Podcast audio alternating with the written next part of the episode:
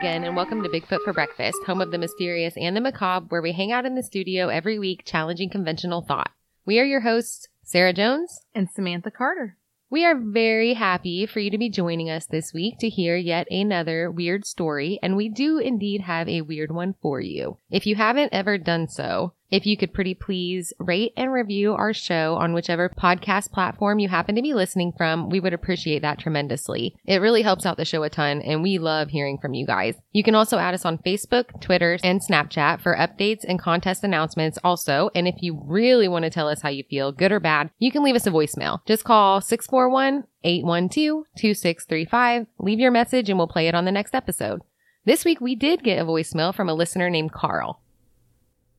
Hi, Samantha and Sarah from Bigfoot for Breakfast. My name is Carl, and I'm calling from Arizona.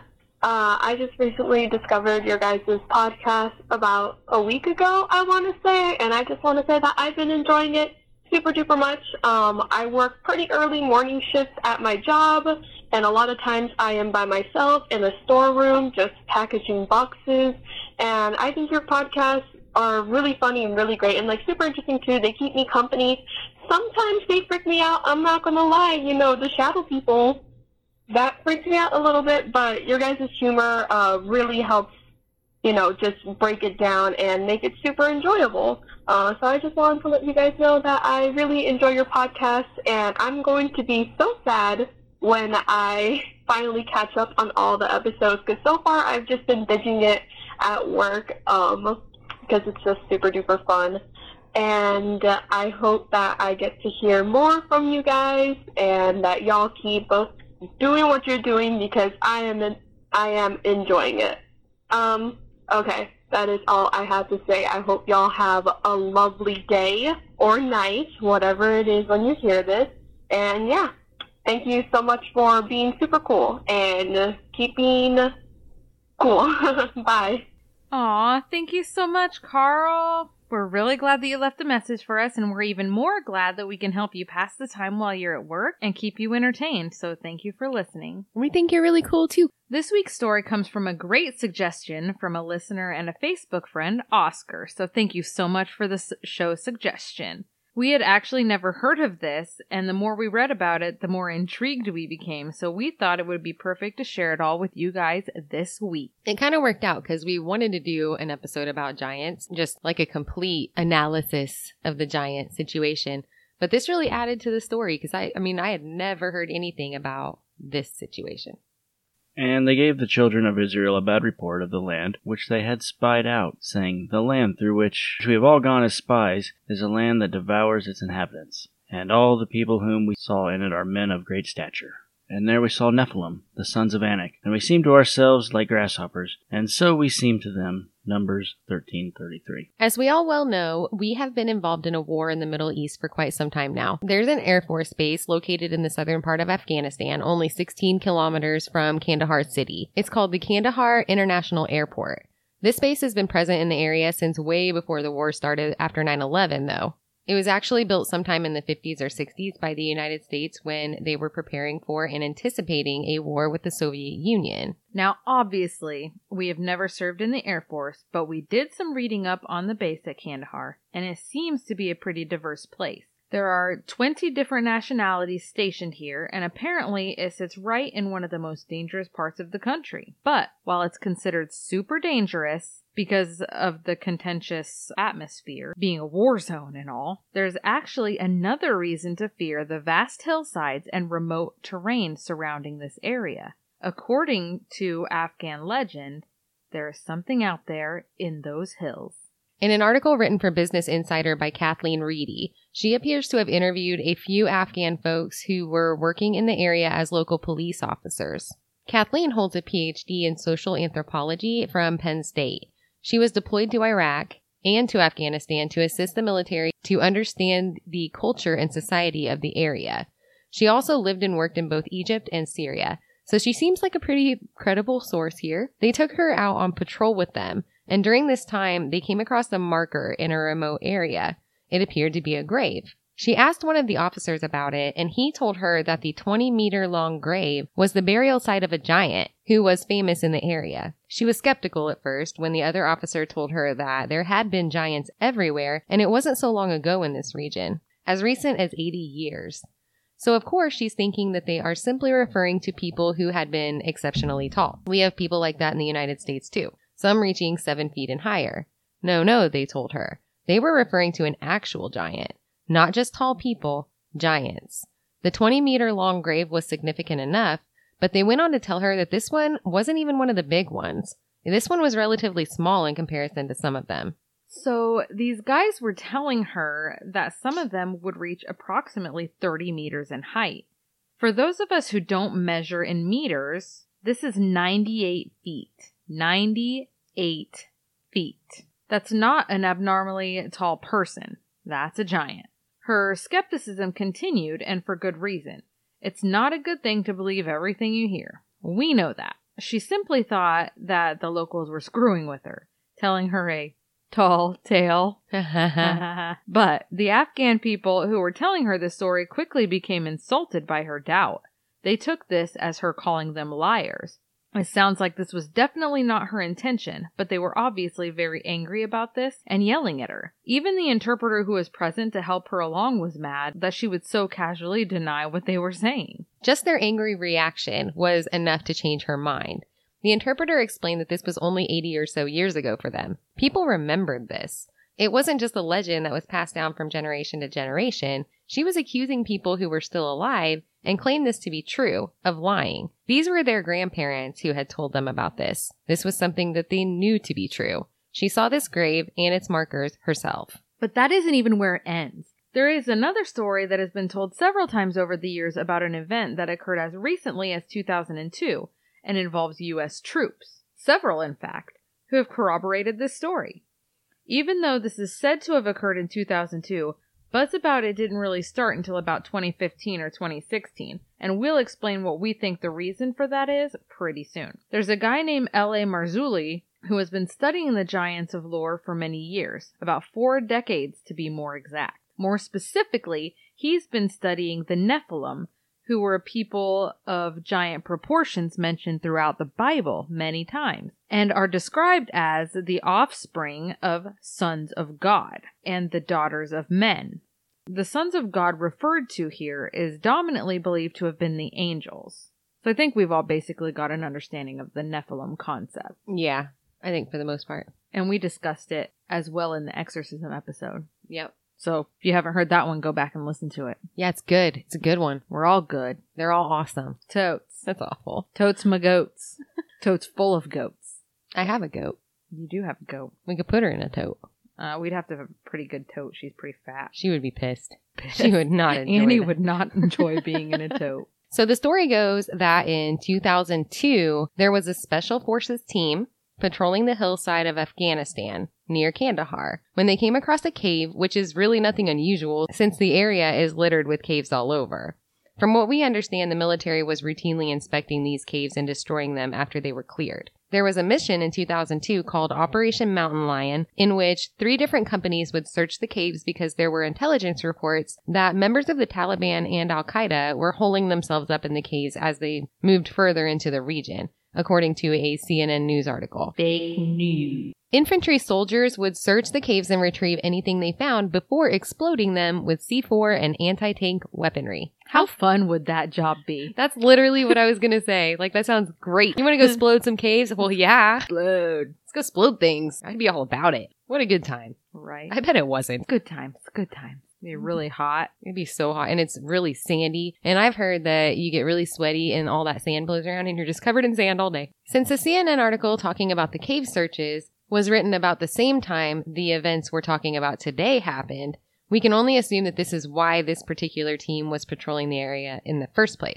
Apparently, Marzulli went overseas to interview some of these people who were directly involved in the incident. So, here's the story. On one of these routine expeditions to seek out and investigate caves in the area of Kandahar, one of the units goes missing. It just never comes back. Typically, in a situation where a unit goes missing and gets into some sort of trouble, there's at least some sort of radio correspondence indicating this or a distress signal. With this missing unit, there was nothing at all. It just disappeared. Another unit was dispatched to go look for them. A rescue mission, so it seemed. I was kind of associating the CNN article, Operation Mountain Lion. That's what this unit was out doing, was just exploring these remote caves and then exploding them, and then they just never come back. Nothing.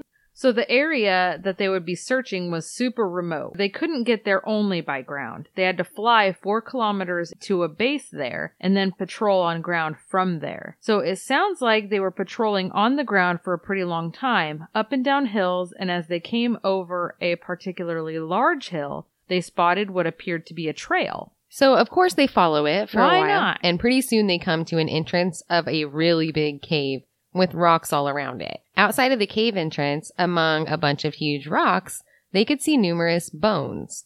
They couldn't tell from where they were sitting what kind of bones they were exactly. Their vehicle stopped a number of feet beyond the cave entrance.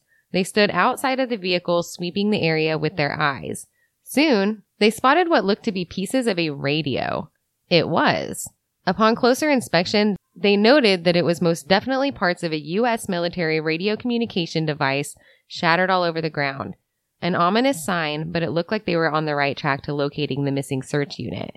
At this point, the men have to assume that the missing unit had been attacked here, which led them to assume that there might be a danger still present in the area. They assumed a defensive stance with their weapons and continued to proceed very slowly and diligently closer to the entrance of the cave. Nope.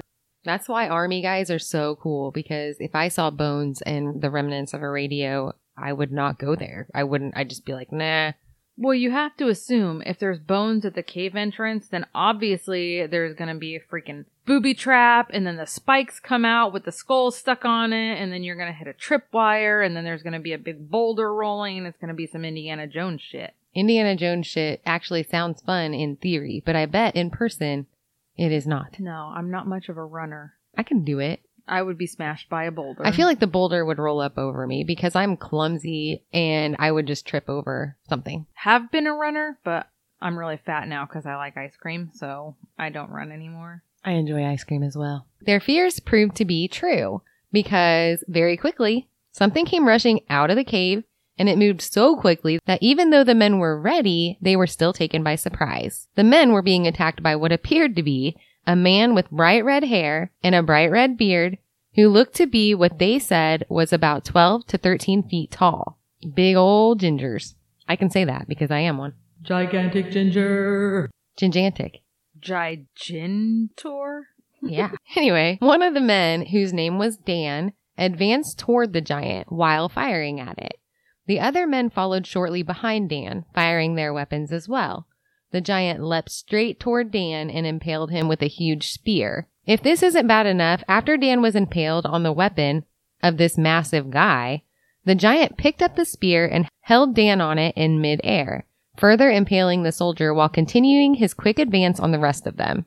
The soldiers are screaming at each other. Shoot him in the face! Shoot him in the face! As they frantically try to take down the man who's obviously intent on killing them all. The giant eventually fell dead after many bullets pierced through his body. But witnesses and shooters say that it took roughly 30 seconds for this to happen. Now, 30 seconds doesn't sound like a very long time, but when you're in a situation like that, if you take the time to count out 30 seconds, imagine you had something like this coming at you for that amount of time, and your certainty that you would come out of it alive was wavering. If you really put yourself in the situation, once they saw Dan impaled on the spear and this guy just swinging him around like he's nothing and still coming at them, I'm sure it was horrifying. I would be terrified. At this point, the giant is down and it appears to be deceased. A helicopter was called in to haul the body of the massive man out of the area, and the pilot of this vessel was a person who would later be interviewed by L.A. Marzulli. You can find the interview online in one episode of his YouTube series called Watchers. In the interview, the pilot testifies that the giant weighed 1,100 pounds and he was between 10 and 15 feet in height. He, along with other witnesses, have stated that the giant of a man had six fingers on each hand and six toes on each foot. Each of the fingernails and toenails had some sort of growth on them, like a fungus that had gone on for too long, and the edges of the nails were all irregular and misshapen. Dan was dead on arrival of the helicopter. When they were positioning the man on the net to be carried away by the large Chinook helicopter, they also remarked that the giant man had a horrible stench on him, one that they could hardly bear. They said worse than a skunk, like he had already been dead for a long time. When the helicopter started back to headquarters, they sent a message ahead stating that they were on their way back with a large, potentially human creature. The helicopter pilot was also interviewed on Coast to Coast AM by George Noory. So in this interview, one of the soldiers involved in the incident was interviewed and Noory asked him how he felt after the whole thing was over. He was sad and angry, he said. At first, for Dan, their fallen comrade, but also a huge amount of disdain for what happened next. The rescue unit was flown by helicopter out of the area and back to their headquarters, where they were then debriefed on the event. They were made to sign non disclosure documents so that they could not reveal the occurrence or its details to anyone. This is why the men who were involved in the event and later agreed to be interviewed had to do so without disclosing their identity. It was a classified situation. The unit wrote up a report on what happened and it was sent back to them with orders to falsify the entire thing and not to mention anything in the official report about the giant. This confused the men. Why not? The men who were interviewed by George Noory and the ones interviewed by Marzulli were both interviewed without ID. In one interview, Marzulli asked his interviewee why he thinks that the government would hide this information from the people, and he answers, My idea is that if things go exactly as the Bible says, they don't want it. If things go against Darwin's evolution, it can't be spoken out.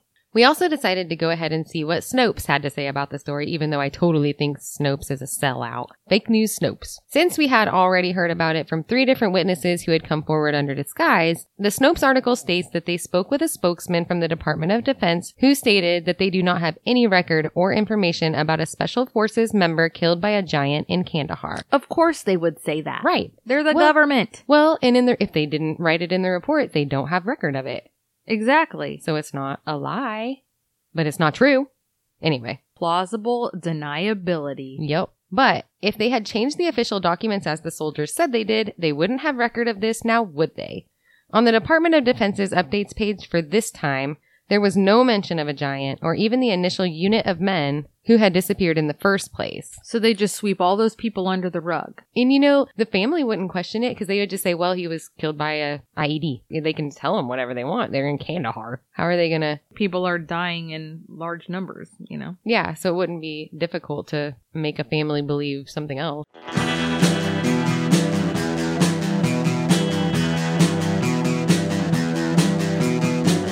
You're listening to the Prescribed Films Podcast Network, home to hundreds of hours of free podcast entertainment.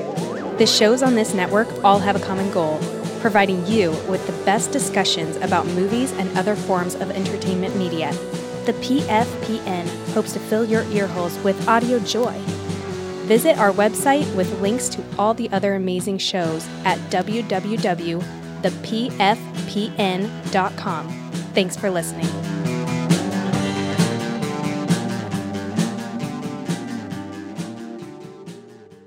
So, although this is a relatively recent event, the tales of a race of giants isn't particularly new. Along with these stories, almost always comes a warning to be heeded. A curse of sorts that tends to plague those who search for them and disturb the sites at which they rest. In season one, episode four of the Search for the Lost Giants television show on the History Channel, they talk about searching for lost giants in the Goshen Tunnel of Nan Madol, which is a small island off of Micronesia. A local farmer named Al Pirapan was interviewed here, in which he cautions the show's host in his search. Apparently, this man was a school teacher who was teaching in Nan Madol and cautions the host about not taking anything from the island. The story of the island is kind of a crazy tale. It has giant stone walls surrounding the entire thing that were obviously constructed, not natural by any means, but there are legends in the area of ancient giants. A local lore warns that the area is also cursed and that the people do not ever disturb what appears to be the burial sites of these primitive people or anything constructed on the island. Al Parapan goes on to tell the host that there was a governor at one time there named Victor Berg, and around 1907 he went to the island with a team and dug burial mounds right up. The next day, he died. He did. How mysterious We didn't know that would happen. and macabre. Very macabre. Very macabre. Another hunter of giants, J.C. Brown, a mining engineer from Great Britain, decided to form a team for an expedition in 1913 to a cavern in Mount Shasta, California. He had previously explored this area, and deep in one of the caverns, he claimed to have found several mummified remains of giant people. He wanted to go back there and recover the remains. He completely and inexplicably vanished the night before they were set to leave, and he was never seen or heard from again. See, why couldn't we have been around at the time that these things were like, oh, we're going to start an expedition. Who wants to come? Anybody? Anybody? anybody? I do. Hmm, Me. Me, me, me. I will wagon train my ass clear. I guess it was like the 40s. we Yeah. didn't really need a wagon train. Sorry, Grandma. Let's get this wagon train a moving. oh, it was 1913. Sorry, Still- you died of dysentery. Cholera. You failed to ford the river. We could have done it. Bleep, bloop, you died. I have a lot of faith in us. So in 1946, a doctor from Ohio was in Death Valley, California, when he claimed to have found three eight foot skeletons with golden spears in their hands. When he went back there to obtain proof of what he had found, since no one at all believed his story, he never came back. They did find his car sometime later near Devil's Hole in California, but no sign of the good doctor was ever found. Why wouldn't you, Take a guy with you? or not even even a guy, just take the spear or something? You know what I mean? It's gold. Yeah, I don't know, because I feel like if I found an artifact, I would, I would not take it. No, I wouldn't want to disturb it, but I guess now we've got cameras on our phones and we take pictures of everything. But maybe they probably weren't as readily available then. No, not in 1946. I mean, you need to get a cardboard box and construct a pinhole camera. Uh huh. Mm-hmm. But he didn't do that. He didn't. Should have done that, He- doctor. Then there's the story of the Claverack giant. Apparently, gigantic bones were discovered along with huge teeth in Claverack, New York, clear back in 1705. The discovery made the pages of the Boston newsletter, and two pretty important people of the time saw it. Cotton Mather and Edward Taylor separately researched the incident and provided write ups to the public about it. The original article in the Boston newsletter was written up by the editor and printer of the paper, who was referred to as B. Green. The article read, There is a prodigious tooth brought here, supposed by the shape of it to be the one far great tooth of man. It weighs four pounds and three quarters. The top of it as sound as a white tooth can be, but the root is much decayed. Yet one of the fangs of it holds half a pint of liquor. It was lately dug up, a great way under the ground, in the side of a bank or a hill, thirty or forty foot above, at or near a place called Clavernack, about thirty miles on the side of Albany, and is looked upon here as a mighty wonder. Whether the tooth be the man or beast, they also dug up several bones, which as they came to the air crumbled away. They say one of them is thought to be the thigh bone of seventeen foot long. There is since another tooth taken up in the same place, which is a four foretooth flat and broad, and as broad as a man's four fingers, which I have not yet seen. But the other I did see, and it is brought here by a gentleman of his assembly. They dug up several trees in the same place of great bigness. Now, I'm not sure how knowledgeable the men who examined the teeth and bones were, and why they felt that the specimens that they found were human and not those of a large animal. It never really gives any idea as to what the credentials of these people were exactly, but it stirred up some curiosity for sure. It was later determined that they were likely the remains of a mastodon, but a letter regarding the second tooth from the governor Joseph Dudley of New York wrote the following in a letter to Cotton Mather. Sir, I was surprised a few days since with a present laid before me from Albany by two honest Dutchmen, inhabitants of the city, which a certain tooth accompanied with some other pieces of bone, which being but fragments, without any points whereby they might be determined to what animals they did belong. I could make nothing of them, but the tooth was of perfect form, of the eye tooth of a man, with four prongs or roots, and six distinct faces and flats on the top, a little worn, and all perfectly smooth with the grinding. I suppose all the surgeons in town have seen it, and I'm perfectly of opinion that it was a human tooth. I measured it, and as it stood upright, it was six inches high, lacking one eighth, and its weight in the scale was two pounds and four ounces. Troy weight, one of the same growth, but not of equal weight, was last year presented to my lord Cornbury, and one of the same figure exactly was shrewd at Hartford, of near a pound weight more than this. Upon examination of the two Dutchmen, they tell me they said tooth and bones were taken up under the bank of the Hudson River, some miles below the city of Albany, about fifty leagues from the sea, many feet below the surface of the earth, in a place where the freshet does every year rake and waste the bank, and that there is a plain discoloration of the ground, for seventy-five feet long at least, different from the earth in color and substance, whereas judged by everyone to see it to be the ruins and dust of the body that bore those teeth and bones. I am perfectly of opinion that the tooth will agree only to a human body, for whom the flood only could prepare a funeral, and without doubt he waited as long as he could keep his head above the clouds, but must be at length confounded with all other creatures and the new sediment after the flood gave him the depth we now found. I remember to have read somewhere a tradition of Jewish rabbins that the issues of those unequal matches between heaven and earth at the beginning, whose heads reached the cloud, who are, therefore, called Nephilim, and their issue was Gibborim, who were then found not to be invincible, but fell before less men, the sons of the east in several places besides Canaan. I am not perfectly satisfied of what rank or class this fellow was, but I am not sure of the last, for Goliath was not half so many feet as this was long. The distance of the sea takes away all pretension of its being a whale or animal of the sea, as well as the figure of the tooth, nor could be any remains of an elephant. The shape of the tooth and measurement of the body in the ground will not allow that. J. Dudley. Mather went on to write his own narrative, and as we know, Cotton Mather was a pretty famous Puritan congregational minister in the 16 and 1700s who established a court in Salem, Massachusetts to try the suspected witches there. He took this discovery to be very literal, straight from the Bible itself and its writings regarding the Nephilim, which we referenced at the very beginning of the episode. It does seem that the giants were mentioned a few times in the Bible, but the word Nephilim is actually only used twice, from what I understand. So we're not completely sure that they are the same thing. Were the Nephilim these half god, half human beings, and the giants mentioned merely large humans? Now, it's easy to see how these puritanical people came to this conclusion, but I read another article that was written a bit later on telling this story and of the giant bones and teeth found in New York and how they were concluded to be that of the Nephilim by Cotton Mather and others. This article, though, mentioned that tusks were also found.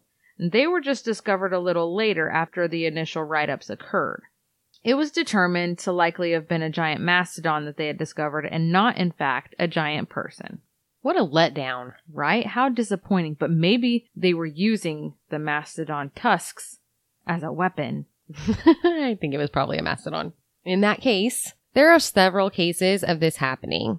I say it was easy to see how they came to this conclusion though, because we also read that upon the initial inspection, some of the long bones of the mastodon could be mistaken for those of a human, except obviously much bigger. The same goes for teeth. So there have been a few discoveries here that have been upended, but not all. There are some that have been found and not necessarily disproven, especially those found in mounds that were obviously built by humans for the burial of such giants. The Dead Sea Scrolls even contain a book of giants referring to the birth of giants called the Nephilim who were present on earth prior to the Great Flood, during which Noah filled his ark and survived with a few of each of earth's creatures. During the pre-flood times, it is said that, quote, the sons of God, quote, looked upon the earth and saw the daughters of men. Thinking them to be beautiful, they came down to earth against the will of God and mated with them. The daughters of man bore children of the angels, and these were the Nephilim that are also mentioned many times throughout the Bible. So the word Nephilim is said to mean the fallen ones upon English translation, but this translation has been debated a few times, so I guess that's kind of a loose translation. So the fathers of the Nephilim were referred to as, quote, the sons of God. That's the thing about this is that throughout this episode, we're going to have every religion, it changes just a little bit. And even within, for example, Christianity, there's some people who are contending with each other about every little detail too. So, I mean, it, there's six different people saying, well, the fallen ones mean this. The fallen ones mean this. So I don't know. It's just hard to say. There So- were tons of different interpretations. So I just kind of picked the ones that seem the most common. Okay, so it seems to be under constant debate as to who the sons of God actually were, since scripture isn't exactly specific on this point. Some people say that they were simply the angels, but others contest this, calling it blasphemous, because the Bible states that the angels were made complete by God and were unable to mate with humans, as they were unable to cross from spirit to flesh.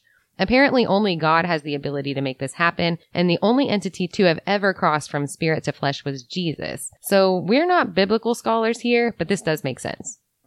So who were the sons of God that the Bible referred to as having fathered the Nephilim? Obviously, we're unsure. But We do know that often it seems that the giants and Nephilim are kind of lumped together as though they were one and the same. Remember earlier when we considered that possibly the Nephilim and giants were simply separate, unrelated entities altogether? We think that this is where that makes the most sense.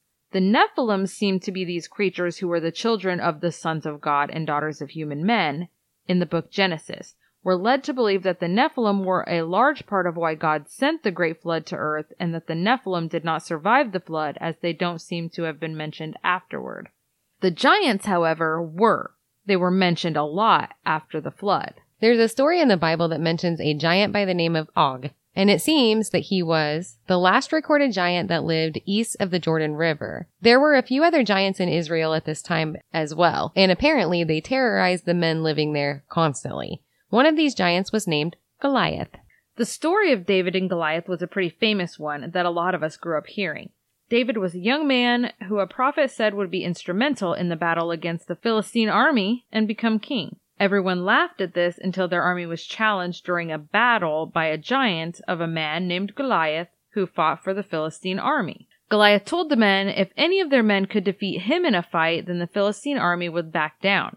David happened to be bringing supplies up to the warriors and heard of this. David decided to volunteer to fight against Goliath in battle, even though he wasn't even a warrior. He used a sling and a rock as his weapon of choice, hitting the giant between the eyes with the rock during their battle and killing him. David was made king of Israel. Take that. Supposedly his brothers were all mad too because they were warriors and they mm-hmm. were like, What are you doing? Gonna fight this giant? And then David went in there and whooped Goliath's butt, and then there was jealousy. But he was king then, so it didn't matter. Yeah, so tough rocks. Get it? Because it was a rock. That's a rock. Yes. Dad jokes galore. Yep. Another biblical story regarding giants is found in Deuteronomy, in which the tribe of Moab went to battle with a race of giants called Emim. The tribe of Moab won the battle, destroyed the giants, and settled the land on which the giants previously resided. The story strangely relates to a modern day situation that some call a conspiracy. And we all love a good conspiracy, right? That's why we're here. Right, it is. In 2017, the United States dropped a bomb on a huge cave inhabited by ISIS troops and reportedly killed 94 of them. Strangely, though, a whistleblower came forward to claim that getting rid of this large number of ISIS troops was part of the plan, but also the United States was trying to kill a group of giants who lived in the same tunnel system. Strangely, the name of the bomb was Moab, which means massive ordnance air blast, and it is affectionately referred to as the mother of all bombs, but also holds the same name as that tribe in Israel who defeated the giants and took their land. It may be a coincidence, but it's a weird one and an unlikely one at that. The Bible often refers to the different tribes of giants and states that many of them had six fingers and six toes, which is crazy because that's just the way that the soldiers described the one that attacked the troops in Kandahar. We found an article written for the New York Times dated May 25th, 1882 that read, The bones of a giant found in St. Paul, Minnesota, May 24th. A skull of heroic size and singular formation has been discovered among the relics of mound builders in the Red River Valley. The mound was 60 feet in diameter and 12 feet high. Near the center were found the bones of about a dozen men and women, mixed with the bones of various animals.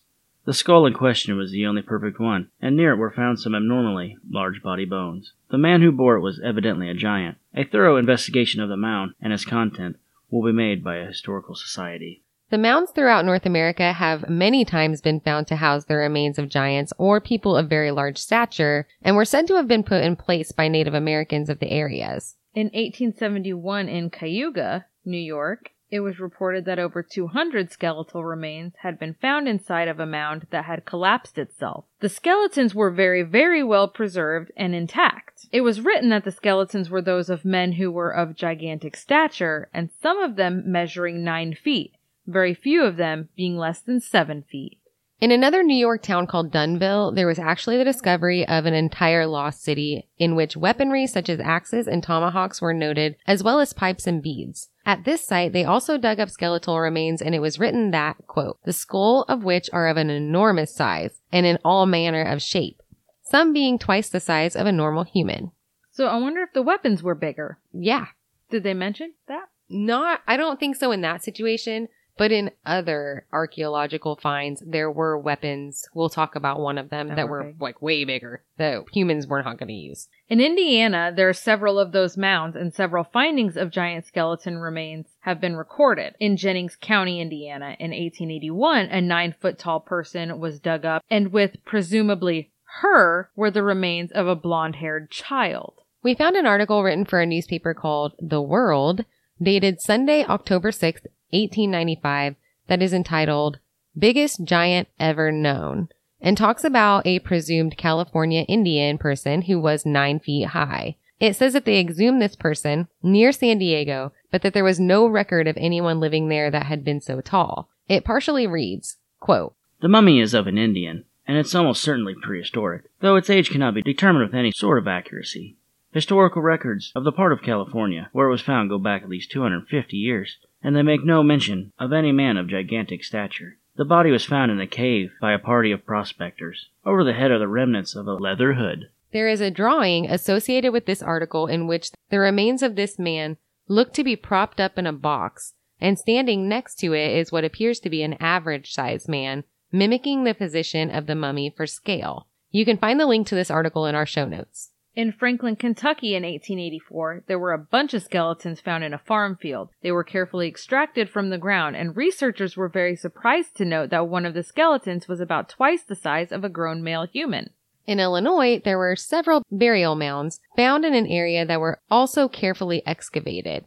They also found the bones of people of giant proportions. In the center of the mound, it was a huge pit, and the skeletons were buried sitting upright against the wall of the pit with their legs stretched out in front of them. In 1913, there was a discovery made on Catalina Island off of the coast of California that I thought was really interesting. A German naturalist named A.W. Furstenon discovered remains on the island that measured about 8 feet. After spending some time in Mexico and hearing stories about the island inhabiting a race of giants who were no longer there. Later, a man named Ralph Glidden went to the island to do some digging of his own on behalf of his employer, Heye Foundation of New York. It's said that Ralph dug on the island from 1918 to 1930 and unearthed over 3,700 skeletons. Many of these skeletons on Catalina Island were over 7 feet tall and one even measured over 9 feet.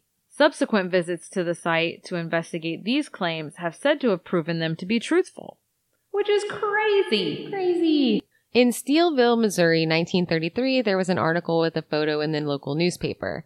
The Steelville Ledger, dated June 11th. Part of the article reads, He turned up the complete skeleton of an eight foot giant. The grisly find was brought to R.C. Parker here, and stretched out to its enormous length in the hallway of his office, where it has since been remained, the most startling exhibit Steelville has ever had on the public view. The photo with the article shows the skeleton stretched out with a man lying next to it. The man's name is said to have been Les Eaton, who himself measures six feet. The skeleton does appear much longer than him. The Chickasawba Mound in Arkansas was found to be a burial place for many skeletons, many of them ranging from 8 to 9 feet in height.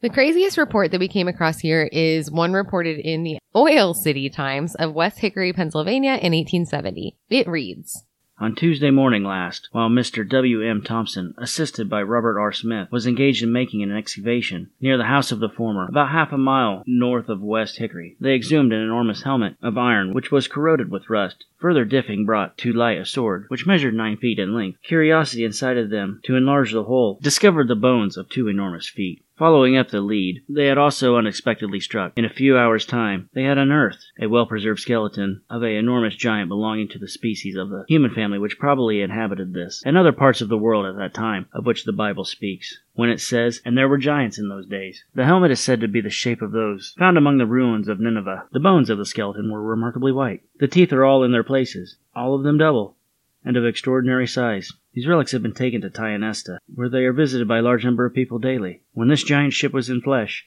he must have stood 18 foot in his stockings. These remarkable relics will be forwarded to New York early next week. The joints of the skeleton are now being glued together. These remains were found about 12 feet below the surface of the mound, which had been flown up probably centuries ago, and which was not more than 3 feet above the level of the ground around it. Here is another nut for antiquarians to crack. There was also the legend of the Saiteca giants in Nevada. Apparently, there was a race of red haired cannibalistic giant people who lived there in close proximity to the Paiute tribe of the Native American people who also inhabited the area. The Saiteca giants terrorized the Native Americans and would often kidnap and eat members of the tribe. That would be incredibly inconvenient. But technically, is it cannibalism if you're eating people that are smaller than you? It's not quite your race. It's just, you know, the food Yes. chain, right? Is it cannibalism still? They're still human, Are they though? humanoid. Are they though? That's what they say. Okay.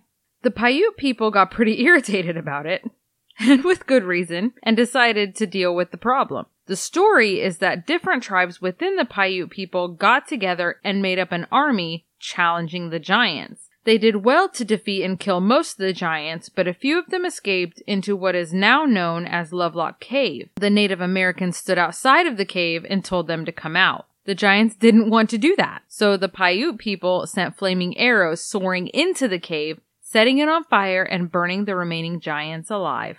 So that's that. We do not burn our ginger giants. Well, they do if they're eating your friends on a rotisserie. And that's all great because we have lots of stories like that in text and newspaper articles. But this one is really cool because apparently in 1924, a group of men from the Guano Mining Company were in the cave mining for bat poop and accidentally came across a bunch of artifacts. They notified archaeologists who came to take a look at this, and sure enough, a crap load of artifacts. And it's funny because they were mining gu- guano. Yeah, crap. It was a crap load. Get it? yeah, over 10,000 actually. Not only that, but they also found people. One red haired male and one red haired female. The male was eight feet tall, while the female was six and a half feet tall. A few years later, in 1931, in a lake bed near Lovelock, Nevada, two other red haired giants were found. They were eight and a half feet tall and 10 feet tall. Yet another was found in the area eight years later in 1939, and this one was seven foot seven inches tall. It's said that their remains are still there in the local Humboldt Museum, but they are not on public display, which is not fair. Well, one person, it was like a travel blog or something. Someone from that area wrote about Lovelock Cave, and I was reading that article. And I think basically what you have to do is just go ask them if you can see them. I don't think they keep them out because I don't know if they're worried someone will steal them or vandalize them or what. They're locked up more securely. So we need a road trip and go ask to see them? Apparently, because I mean, she made it sound like you can you can see them. They don't hide them away from people. They, they're just they must be like in a back room or a vault or something. I don't know. As far as Native American legends of giants, almost every single tribe has its own legend. The Comanche Indians were said to have dealt with cannibalism of 10 foot tall people who were rich and powerful. When the giants became too proud, forgetting justice and mercy, the Great Spirit wiped them out, and there lies the Tennessee Mounds. Leave it to the Great Spirit, right? The Choctaw Indians recorded that when they came to Tennessee, just past the Mississippi River, they had run-ins with a race of giants that they had to fight and kill whenever they came across one, because the giants were very powerful and cannibalistic people. They called them the Nahulo. The Navajo encountered giant white people who were adept in mining with great technology who enslaved the weaker people, and it's not said what became of them. Speaking of people with technology in the ancient times, remember our megalith episode? Well, while many, many people claim sites such as Stonehenge, Easter Island, and the pyramids of Giza, and other impossibly constructed structures of the like were the result of alien technology, there are a great number of people who believe that these were constructed by a giant race of people of lore, which of course we're open to. And we did specifically forget to mention giants in that episode. And I Mhm. was really upset about it after we did it. So I was like, there, you know, that's a really big, Theory. yeah. Well, I think when we did the megalith episode, we were mostly trying to, there was so much on each theory. We kind of had to pick one and kind of go with the alien theory. Aliens were really important.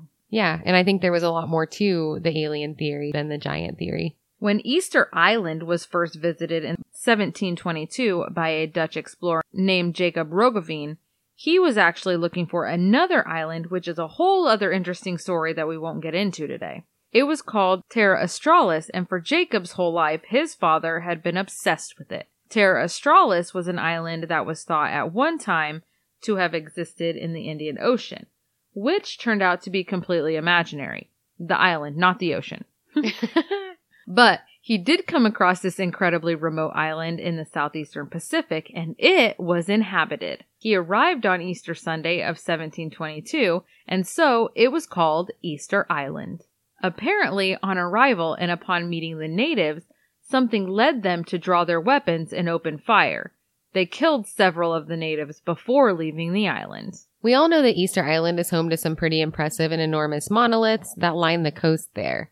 Some of them are over 70 feet tall. While explorer Roggeveen did mention in his ship's logs that the natives were very large in stature, another man who was present in the group described his account of them in more detail. He wrote that they were greeted by natives who stood more than 12 feet high. With truth, I might say that these savages are all of more than gigantic size. The men are tall and broad in proportion, averaging 12 feet in height. Surprisingly as it may appear, the tallest men on board our ship could pass between the legs of the children of the Goliath without bending a head. So is this how the giant monoliths were built? Simply by giant people? Although in Roggeveen's logs, he did note to wonder at their construction because the island was so incredibly barren of timber and stone of any strength with which they would have been able to construct tools to move the large rocks. It's a mystery. That's where the aliens come in to help the giants. Exactly. Yeah. There's talk in Ireland of a grace. There's talk in Ireland of a great race of giants who were people of color who sailed from Africa to Spain and then onward to England. They are said to have been responsible for the construction of Stonehenge. I would assume, though, that the giants who would be able to move the stones that construct Stonehenge would have to be even larger than the typically extremely tall nature of some of the tribes of Africa, such as the Watusi or the Dinka tribe. There are tons of Africans who are genetically very tall. Manute Bol was a man from Sudan who played basketball and was recorded to have been seven foot seven inches tall. There's a photo online of him standing flat footed at the bottom of the basketball hoop and reaching straight up to touch the rim. In North Wales, a 64 pound sledgehammer was discovered. Dating back to the Bronze Age, it had a 9 foot handle. Now, I don't know a thing about sledgehammers, but we did read that the biggest one you can really find is typically about 20 pounds. And that would kind of suck to sling around for any length of time. This one was determined by archaeologists to likely have been wielded by a person who had to be up to 18 feet tall. As recently as World War II, there were giants reported, believe it or not. Japanese soldiers stated that they had experienced encounters with men in the Guadalcanal that were 10 to 15 feet tall and extremely hostile and aggressive. They usually had a weapon, such as a club, and took a lot more bullets than a regular person before it seemed phased by them. This goes hand in hand with the fact that local history and lore is rich with claims of existence of giants as well as the contentious relationships with them in the Guadalcanal and throughout the Solomon Islands. Supposedly, this isn't even completely history. It's said that the giants still inhabit small parts of the area, including Santa Isabel Island and the island of Choiseul. On the huge 80 by 300 kilometer island of Choiseul, there are villages that line the edges, but none in the center of the island, because in the center live the giants. Nearby where the giants are said to currently live, there's a burial place with bones scattered about. Giant bones just lying around on the ground. There is also said to be a hut in one of the villages there with an eight foot long human femur bone used as the hut's main support pole.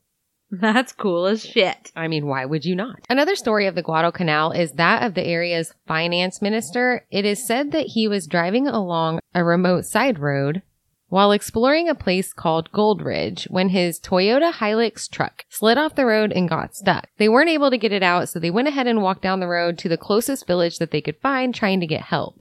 They returned with more men to help them push the truck out. Upon walking back to the truck, they witnessed two other men who they described as being 15 feet tall standing next to the truck, one large man at the front, one large man at the back, carrying the truck and placing it back onto the road. The men made such a commotion, screaming and running away, that it scared the two large men back into the woods. They didn't come back out. So the finance minister approached the truck and examined the enormous footprints near it. He had to believe what he had seen. Two giant men putting his truck back on the road for him. So they were friendly giants. They were super considerate. They were like, this guy obviously can't do this and needs some help. So And we can do it. we got you. Also during World War II, a man named Ivan T. Sanderson, an author, tells the story of being present on a crew running bulldozers at a dig site when they hit upon what looked like a graveyard. They pulled out several craniums that each measured 22 to 24 inches from base to crown. If the people were proportionate, it's estimated that these people had to have been about 12 feet tall. Now, I think I was mistaken in that paragraph actually, because we're going to get into that story a little bit later on, but Ivan T. Sanderson wasn't present. He was a researcher who later on followed up about the story. Oh, okay. So sorry about that. You ever see that meme with the Colonel Sanders head and then the bow tie is like arms and legs? When you- Yeah. once you see it, you can't unsee it. Yep. That's what I'm saying. Maybe they just had big heads. Maybe, maybe. And like bat wings. Big head and little arms. So here we have a supposed legend. We see references to it in ancient texts such as the Dead Sea Scrolls and the Bible, in folklore and in children's stories throughout history, movies, Greek and Roman history, newspaper accounts, and more. All over the world, in various cultures, and throughout our lives, we've had the idea of giants shoved down our throats. We've been tricked by various hoaxes involving supposedly discovered giants, but we've also seen what looks to be credible evidence. One archaeologist, Jim Vieira, has been accumulating accounts of giants in North America for years, and he has collected over 1,500 of them from various news sources and clippings throughout the history of the country. So why isn't this a bigger deal? Why do we continue to ask if they exist or not? Why is it a question? Why do so many of the corporate archaeological giants, haha, of the world continue to deny the existence? Well, there's a theory for that. I feel like I should have found one of the giant fairy tales and seen if there was a specific story which they were rooted from. Like know? Jack and the Beanstalk Yeah. with the giant. Dang it. Mm-hmm. And lots of stories of ogres and cyclops and I mean lots of stuff like that. Anyway, if a person were to claim that a large scale corporate archaeologist and the Smithsonian were deliberately covering up evidence of giants or deliberately discrediting actual finds, it wouldn't be a new accusation by any means. From many of these discoveries throughout history, several skeletons of giant stature have allegedly been sent to the Smithsonian and other large scale research universities to be studied and then displayed in various museums. Often there are artifacts found with the remains, and they are also sent along with the skeletons. There are many of these claims out there. However, in the huge majority of these situations, the human remains do not end up on display. They often end up misplaced or no answer is given when someone inquires about the remains. For example, the giant remains that were obviously humanoid at Lovelock Cave were mentioned before in Nevada. Those were discovered by researchers by the names of Pugh and Hart. A man named L.L. Loud, who is a researcher at the University of California, sent these on to the Smithsonian. And apparently, the local museum in Nevada did manage to retain some of the specimens, including large skulls that are, in fact, present in the museum along with some artifacts. But the Smithsonian and the corporate museum at the University of California both do not have them displayed and give little answers to where they are. There are a lot of situations like this across America. So this leads a lot of people to speculate that the existence and evidence of giant race of people is intentionally being covered up. Why would they do this? Why would you do that? Why it's interesting that you should ask. Uh, An article on the Gaia website points to a claim made by Richard Dewhurst, who authored a book called The Ancient Giants Who Ruled America. He claims that the U.S. Director of Ethnology in 1879, who was running the Smithsonian at the time, a man by the name of Wesley Powell, wrote up a document called the Powell Doctrine that was issued on behalf of the Smithsonian Institute. The doctrine said, quote, No anthropological research should consider any talk of lost tribes henceforth, while also describing the natives as uncultured, savage, and lacking signs of higher intellect. Hence it will be seen that it is legitimate to use any pictographic matter of a date anterior to the discovery of the continent by Columbus for historic purposes. This is strange. Why would they not want it to be made public that ancient tribes of people existed here prior to the time of the Columbus discovery and the Native Americans that existed here only then? This is weird. Later claims are made that many scientists just don't trust the things that the government have done in the past, such as careless and shady ass experiments and programs that have existed. Apparently, it's thought that some scientists intentionally suppress this evidence because they don't want the government trying to extract DNA and clone these people for militaristic purposes, which is so something that the government would do. Possibly far fetched, but it's not. But I would have to agree that I don't think the government needs to be doing that.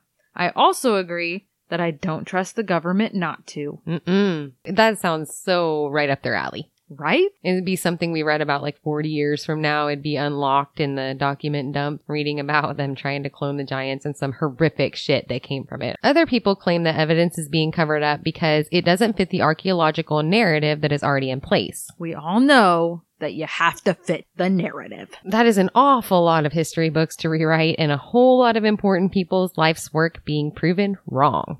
You know that we are obviously open to things of the conspiratorial nature, Hell yes, we are. but we can vouch for some of this having a logical explanation. We have to give credit to the Micah Hanks website, on which there is a large article with a ton of great points regarding both sides of this argument. If you're interested in this article, it's called The Big Buried Secret, Giant Skeletons, and the Smithsonian. We will touch on a number of things that he presented now, though, mixed with some of our own thoughts, which can be dangerous. Yes, it can. While there is evidence all over the world and texts that support the possible existence of giants being 12, 15, and 20 feet in height, a lot of the remains found in the mounds and some of the ones at Lovelock Cave that seem to have been presented to these institutions are said to have been called giants at six foot five to seven feet tall. While it isn't super common for people to reach these heights, it's not unheard of either. Many of us, if not nearly all of us,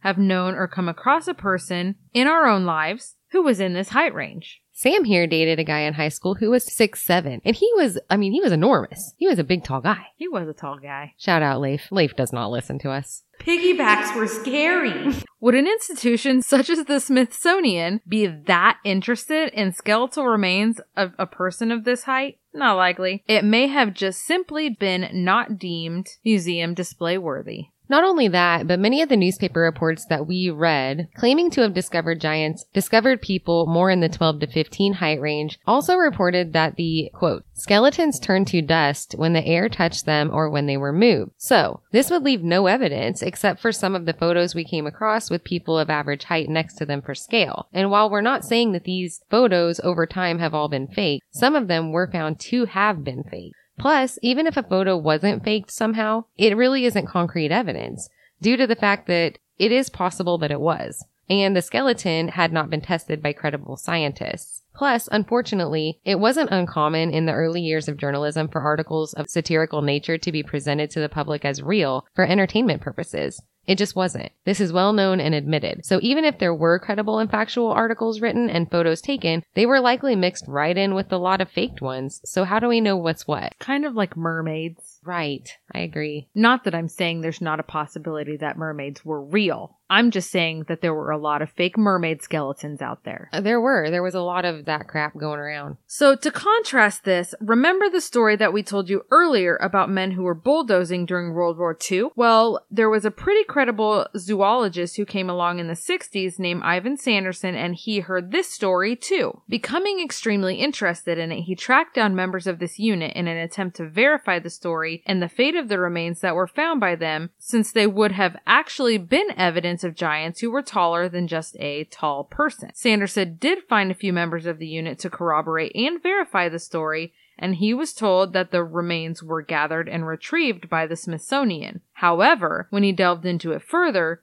the Smithsonian had no record of this finding or having taken the specimens. What a cliche. It's like either it's kind of a cover up or they are just incredibly negligent when it comes to their specimens and they're always losing them. Right? I give a couple examples in this. There were a lot. Too much for it to be that. For a museum. You have one job. take this from here to here. So, when we're talking about the claims that have been made alleging a conspiracy to suppress the existence of giants, we've got several factors at play here. Specimens obtained that were likely less than impressive or remarkable, so they probably wouldn't be displayed necessarily. We've got specimens that were claimed to have been found but too delicate to remove, so they weren't taken anywhere to be examined which really just amounts to a good story with no concrete proof. And then we have claims of skeletons that were enormous being removed and then the Smithsonian disappears them. But again, Even though we do believe that things like this happen, there is no proof. Claims are claims and facts are facts. So as far as conspiracy here goes, we don't know. Some people believe that giants were simply people who were experiencing a rare disorder of an overactive pituitary gland, gigantism, which is definitely a thing, and it seems like it would be a reasonable conclusion if it weren't for one fact. Statistics seems to state that gigantism is extremely, and I mean extremely, rare. Like three people out of every million rare. In the history of America, there is less than 100 recorded cases of gigantism ever. So if this is the case, why are there so many of them mentioned in texts throughout history, including scripture? Many times in the Bible, it mentions tribes of giants. How in the world would they have found enough of each other to have formed a tribe if this was the case? Facebook. yeah, he got on the Facebook. Seeking other giants. G seeking G. ASLH. Age, sex, location, height. Yeah, I got it. Do not qualify for our group. You can't sit with us. On Wednesdays, we wear pink. It seems much more unlikely to us for gigantism to be the answer than to just think that there may have been an ancient race of actual giants on Earth at one time. But I digress. Also, people with gigantism usually reach 7 to 8 feet tall, not 12 to 15 feet tall as it is mentioned in text. So is this the case? You'll have to decide that one on your own. That's what we have for you this week on Bigfoot for Breakfast, and we hope you loved it as much as we loved talking about it. Don't forget to push the subscribe button on whichever podcast platform you're listening from, and if you're feeling super generous, please leave us a good rating and review. If you want to contact us, you can do so via email at bigfootforbreakfast at outlook.com, Facebook message, or you can call us at 641 891 2635. Just leave us a voicemail and we'll play it on the next episode. We appreciate you listening to this week. And don't forget to check us out next week around Tuesday ish, Tuesday to Thursday. sometimes Friday, We're horrible. for a new weird episode. I also want to take the time once again to thank our Facebook friend Oscar for the suggestion for this episode. He really got the ball rolling and introduced this as something we had never heard of before. So thank you again, Oscar, and thank you for listening seriously. Woo, woo, woo, woo. In the name of giants.